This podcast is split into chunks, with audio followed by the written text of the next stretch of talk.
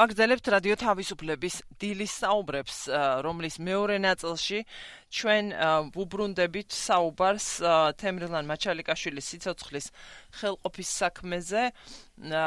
ამ ასე არ ქვია საქმეს, მაგრამ უბრალოდ ვაერთიანებთ ყველაფერი მას, რაც უკავშირდება ორი წლის წინ მომხდარს და კლავაც როგორც უკვე ვთქვი, გვაქვს ბევრი კითხვა პასუხების გარეშე. თამთა მიქელაძე ადამიანის უფლებების სწავლების და მონიტორინგის ცენტრის პროგრამის დირექტორი გახლავთ ჩვენი სტუმარი დილა მშვიდობის გაბატონებთ. გამშვიდობისა მესალმები თქვენს მსმენელებს.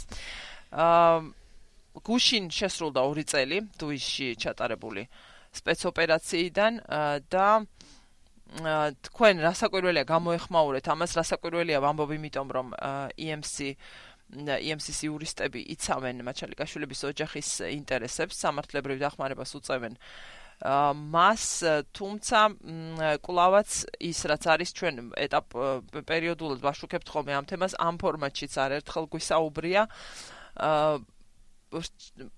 პასუხები არ ვიცი არის არის რაიმე საკითხი რასაც ამ ურწლიანმა გამოძიების პროცესმა გასცა პასუხი ამით დავიწყოთ უნდა ითქვას, რომ ორი წლის შემდეგაც გამოძიებას რაიმე კონკრეტული შედეგები არ მოყვა. ჩვენ ისეთ მინიმალურ შედეგსაც კი ვერ მივახციეთ, რომ ქალბატონ მედიკო და ბატონ ვახა მაჩალიკაშვილებს დაზარალებული სუფლების მონაცვლის სტატუსი ჰქონოდათ. მიხედვით იმისა, რომ საქმეზე უკვე შეკრებილი საკმარისი მტკიცებულებები, რომელიც ჩვენი შეფასებით იძლევა საფუძველს იმისა, რომ კონკრეტული პირების სისხლის სამართლებრივი პასუხისმგებლობა გამოიკვეთოს, პროკურატურა უარს ამბობს შემაჯამებელი გადაწყვეტილების მიღებამდე მიღებაზე და ამ დრომდე აჭიანურებს ამ გადაწყვეტილებას.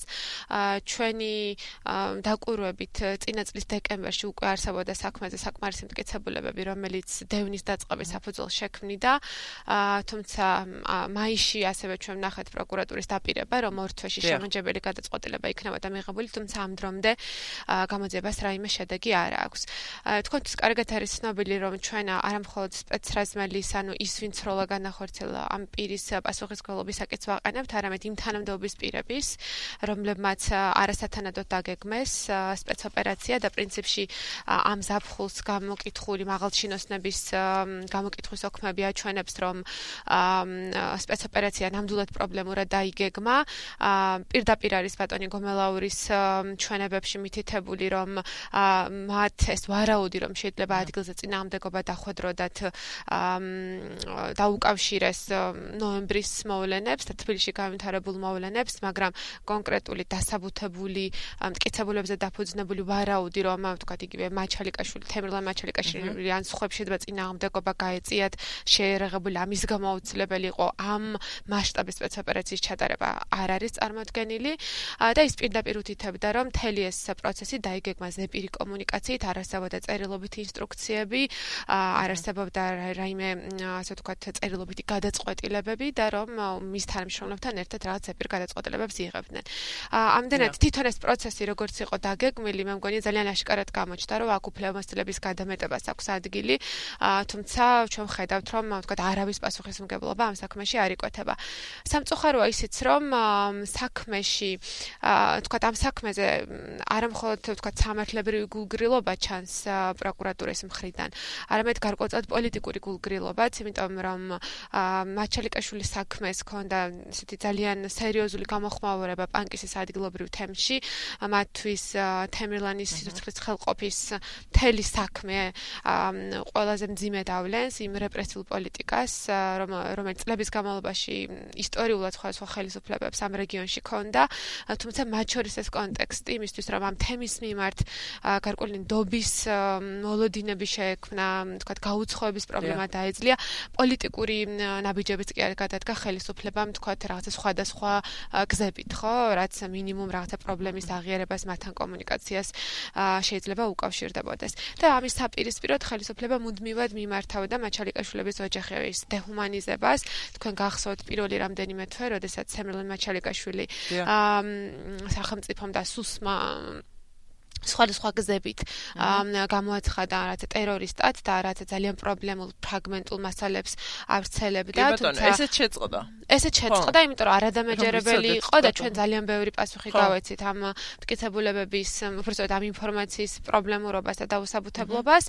ამის შემდეგ თქვათ მუდმივად ხდებოდა ბატონ ვახაზე აქცენტირება მის მიმართ რამდენიმე თქვათ გამოძიების დაწყება და მისი გარკვეულად დისკრედიტაცია და ეხა ყველაზე მძიმე გამოცდილება რაც მაჩალიკაშვილების ოჯახის წინაშე დგას ეს ჰუსეინ მაჩალიკაშვილის დაკავება რომელიც ამ დიდი ოჯახის ერთ-ერთი ახალგაზრდა შვილია და ხო ის 20 ივნისის მოვლენთან კავშირში დააკავეს თუმცა გავრცელდა მედია მასალა მასალები, ვიდეო მასალები, სადაც ჩანს რასაკეთებდა ჰუსეინი ადგილზე და ძალიან აშკარაა, რომ ის მისი ბიძის დაცვას და მის მხარდაჭერას ცდილობდა და რაიმე წინააღმდეგობას აქტიურს ან პასიურს არ უწევდა, როგორც აშაკრების მონაწილეც არ არ მოქმედებდა თითქოს. ამიტომ ეს საქმე აშკარად აჩვენებს იმას, რომ სახელმწიფო მუდმივად ნაცვლად იმისა, რომ საკუთარი დარღვევები აღიაროს და რაღაცა ტიპის რეაგირება მოახდინოს, მუდმივად ახდენს აი ამ ზეწოლას მას მაჩალიკაშვილების ოჯახზე. ხო, აქვე უნდა ვთქვათ, რადგან ეს 20 ივნისის ამბები ახსენეთ სმენელის და მაყურებლისთვის, რომ გრძელდება ამ საქმეების განხილვა, იმდენად მძიმე მუხლები წაუყენეს ადამიანებს, რომლებიც საპროტესტო აქციაში მონაწილეობდნენ, ან იქ იმყოფებოდნენ, რომ მე მგონი ჩიხშია. სასამართლოს და გამოძიება. ჩვენ სასაგონია, იმიტომ რომ ჯგუ იმდენად ახლა არ არის სასაცილო ბუნებრივია, ხო? იმიტომ რომ იმ ბრალდების შესაბამის სასჯელი საკმაოდ მძიმეა. აა რაც უკავშირდებოდა იქ თქვა შეჭრის და ორგანიზებულ ჯგუფურდალადების ორგანიზება. აა ამიტომ და ჩვენ ამას კიდე რა თქმა უნდა მიმადევნებთ, თავს გრძელდება აი ამ დღეებში ესე პირდაპირ არ დასრულებულა ეს ყველაფერი. ისე უბრუნდები საქმეს და მინდა წავიკითხო ზუსტად 2 წლის წინანდელი აა ასე ვთქვათ ინფორმაციიდან ნაწყვეტი სადაც არის ნატა მაჩალიკაშვილის დის მიერ მოყოლილი პანკისის სათემო რადიოსთვის. ამას მოყვები იმისთვის რომ გასაგები იყოს, ანუ ის რასაც ის აღწერს თავის გამოცდილებას იმ ღამისა. აა არაფერი, ანუ შეცვლა პრაქტიკულად დასტურდება და ბევრი ნაწილი ამ ყველაფრის თუმცა უპასუხოდ რჩება, ანუ მინდა უბრალოდ ეს ნაწყვეტი ბოდის ვიხდი აბა დაუდალაპარაკისთვის. ეს ნაწყვეტი ეს მონათხრობი კარგად აჩვენებს იმას თუ რა განიცადეს ადამიანებმა და მათ მინიმუმ აქვთ უფლება და სრულდა თემირლანის გარდაცვალებით მოგვიანებით მისი ეს დაჭრა რომ ამ ადამიანებს მინიმუმ იმის უფლება მაინც აქვთ იცოდნენ რა დაატყდათ და რატომ დაატყდათ თავს. დაახლოებით ღამის 3 საათზე შემოგვივარდა სპეცრაზმი. ჩამათრიეს დაბლა, დაგვაწვინეს ამ ცივი ამინჩი იატაკზე, გასროლის ხმა მომესმა. იძახდნენ ერთი დაჭრილი ყავსო. ზუსტად ვერ მივხვდი, მამა ჩემი იყო, თუ ძმა. რომ ჩამომიყვანეს დაბლა, მამა დაბლა დამხვდა, ძმა კი თვალით არ მინახავს. 3-დან 6 საათამდე გვატყუებდნენ რომ გვანახებდნენ ძმას. ნუ ნერვიულობთ, კარგად არისო. 10 საათი რომ დაიწყო წავიდნენ. ეხლა როცა ოთახში შევედით, სისხლი დაგხვდა. ჩემი ძმა თემირლან მაჩალიკაშვილია დაჭრილი. ოთახში ვყავდით ჩაკეტილები მე, დედა და ბებია ჩემი. მამა ცალკე იყო. ძმა თვალით არ გვინახავს როგორ წაიყვანეს. რა გახდა სროლის მიზეზი უცნობია, რადგან ჩემ ძმას იარაღი არ ქონია და მძინარეს დაადგნენ. ასევე გვითხრეს რომ ჩხრეკის უფლება ჰქონდათ. გვეკითხებოდნენ ვინ ყავდათ ამ ბოლო დროს სტუმრადობის გულისხმობდნენ არ ვიცი. მარტო მე კი არა აქ სამეზობლოში სხვასაც დაადგნენ დაადგნენ იარაღით. პატარა ბავშვები ყავს და შეშინებულები ეხლა ცხმას ვერ იღებენ. პანიკაში არიან. გვითხრეს გაიგებთ ყველაფერსო თქვენს დაგკითხავენო. ეს არის ორი წლის წინანდელი ზუსტად მონათხრობი ნატა მაჩალიკაშვილის პანკისის რადიოსთვის. ხო, რა მოხ? თითქოს არაფერი. აა ამდენი ადამიანის ერთი ახალგაზრდა საქართველოს მოქალაქის 19 წლის იყო თემირლანი. მოქალაქის დაჭრა მძიმე დაჭრა რომელიც რამდენიმე დღეში გარდაიცვალა. და აი ეს ყველაფერი ეს გამოცდილება რაც დღემდე რჩება ეს ხომ არ იშლება. აა რა პასუხები აქვს დღეს? მე რატომ ვკითხულობ ამას ასე რაღაც ჯიუტად, იმიტომ რომ რაღაცებზე მთელ სამ პროცესში რა პასუხები არის რაღაცები დადასტურდა ის რაც თავიდან ყვა არა იცით ჩვენ გამოძების დინამიკას რა შევხედოთ ჩვენ ყოველთვის ვამბობდით რომ ყველაზე არსებითი შეცდომები დაშვებული იქნა გამოძების პირველ ეტაპზე, როდესაც ჩანს გამოძების პროცესში სუსის უკანონო ინტერვენცია, რაშიც რაში გამოიხატა, ხო, იმისთვის რომ სუს შეექმნა მისი ვერსია, რომ თემლანს ხელყუმბარა ქონდა მის გასროლას და ამიტომ გაისროლეს, თუმცა ეს ვერსია ძალიან ბუნდოვანია და ცოტა ხანში ამას პასუხს გავცემ. ხო, მათ თქვა და ეს ხელყუმბარა ჩდება, ამ ხელყუმბარას ინსტიტუციური დამოუკიდებლობის პრინციპის საწინააღმდეგოდ ამოიღებს სუსის თანამშრომლები, ანუ იმავე უწყობის თანამშრომლები, რომლებმაც ეს დანაშაული ჩაიდინეს. შემდგომში იანვრის თვეში ამავე უწყობის მიერ ხდება, თქვა, ამ ხელყუმბარის განადგურება, ისე რომ მასზე შემდეგი ექსპერტიზები ვეღარ ტარდება. იარაღის საიდანაც გასროლა განხორციელდა ამ თანამშრომელმა. ის ამბობს, რომ დაზიანდა, ნაწილები შეუცვალა და ამის შემდეგ ანგარიში ჩააბარა მის უფროს. ხო, ამდენად ორი ყველაზე მნიშვნელოვანი მტკიცებულება განადგურდა, შეიცვალა სწორედ სუსის ხელში. და საქმის მასალები მიხედვით, რომ პროკურატურა მოძეექვშივე დაიწყო გამოძიება, მხოლოდ თებერვლის შუა რიცხვებში გადაეცემა სუსიდან პროკურატურას, ხო? ამდენად პირველივე ეტაპზე ყველაზე მნიშვნელოვანი მტკიცებულებები მოპოვებული იქნა იმ ორგანოს მიერ, რომელიც თვითონ არის პრობლემური, მისი პასუხისმგებლობის საკითხი უნდა შესწავლილიყო ამ საქმეში და მხოლოდ მოგვიანებით ეტაპზე უკვე გაფუჭებულ მტკიცებულებებს გადასცემს პროკურატურას. ამის შემდეგ პროკურატურა ცდილობს, რომ ყველაფერი გააკეთოს. რეალურად ჩვენი ყველა მოთხოვნა დააკმაყოფილეს, ყველა ექსპერტიზა ჩაატარეს, ჩვენი დამოუკიდებელი ექსპერტები ჩართეს და ასე შემდეგ. და დღეს მთელი ეს მტკიცებულებები რას გვეუბნება? ხო, ანუ პირველი საკითხი, რაც ექსპერტიზამაც დაადგინა იყო ის, რომ ნამდვილად გასტროლის მომენტში თემრლანი იყო ჰორიზონტალურ მდგომარეობაში, მწოლიარ მდგომარეობაში, მათ შორის ტყუის კვალი აჩვენებს, რომ ისი ბალიში იყო დაზიანებული და ცეცხლის კვალი მასაც ეთყობა, ხო? რაც რა თქმა უნდა ყველაზე ერთადერთი გარემოება, რომ მიუთითებს და აბსურდულს ხდის წინამდებობის გაწევის ვერსიას, ხო? თუ ხელყუმბარის ნაწილზე მინდა თქვა 5 წუთი გრჩება და საუბრის დასრულებამდე და არ მინდა ნიშნულოვანი რამები გამოგრჩეს.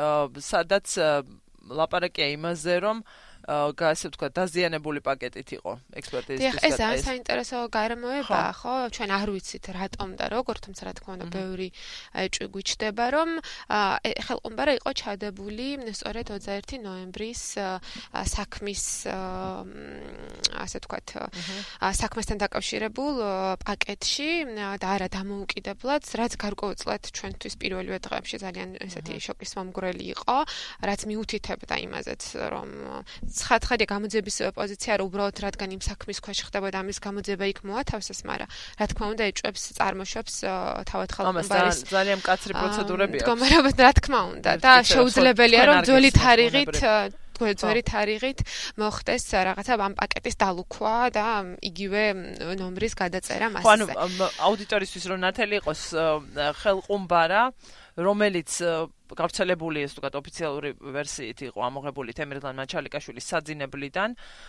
იდო პაკეტში რომლის მთლიანობა იყო დარღვეული და რომელსაც ამ თარიღად მითითებული ჰქონდა 2018 წლის 18-17-ის.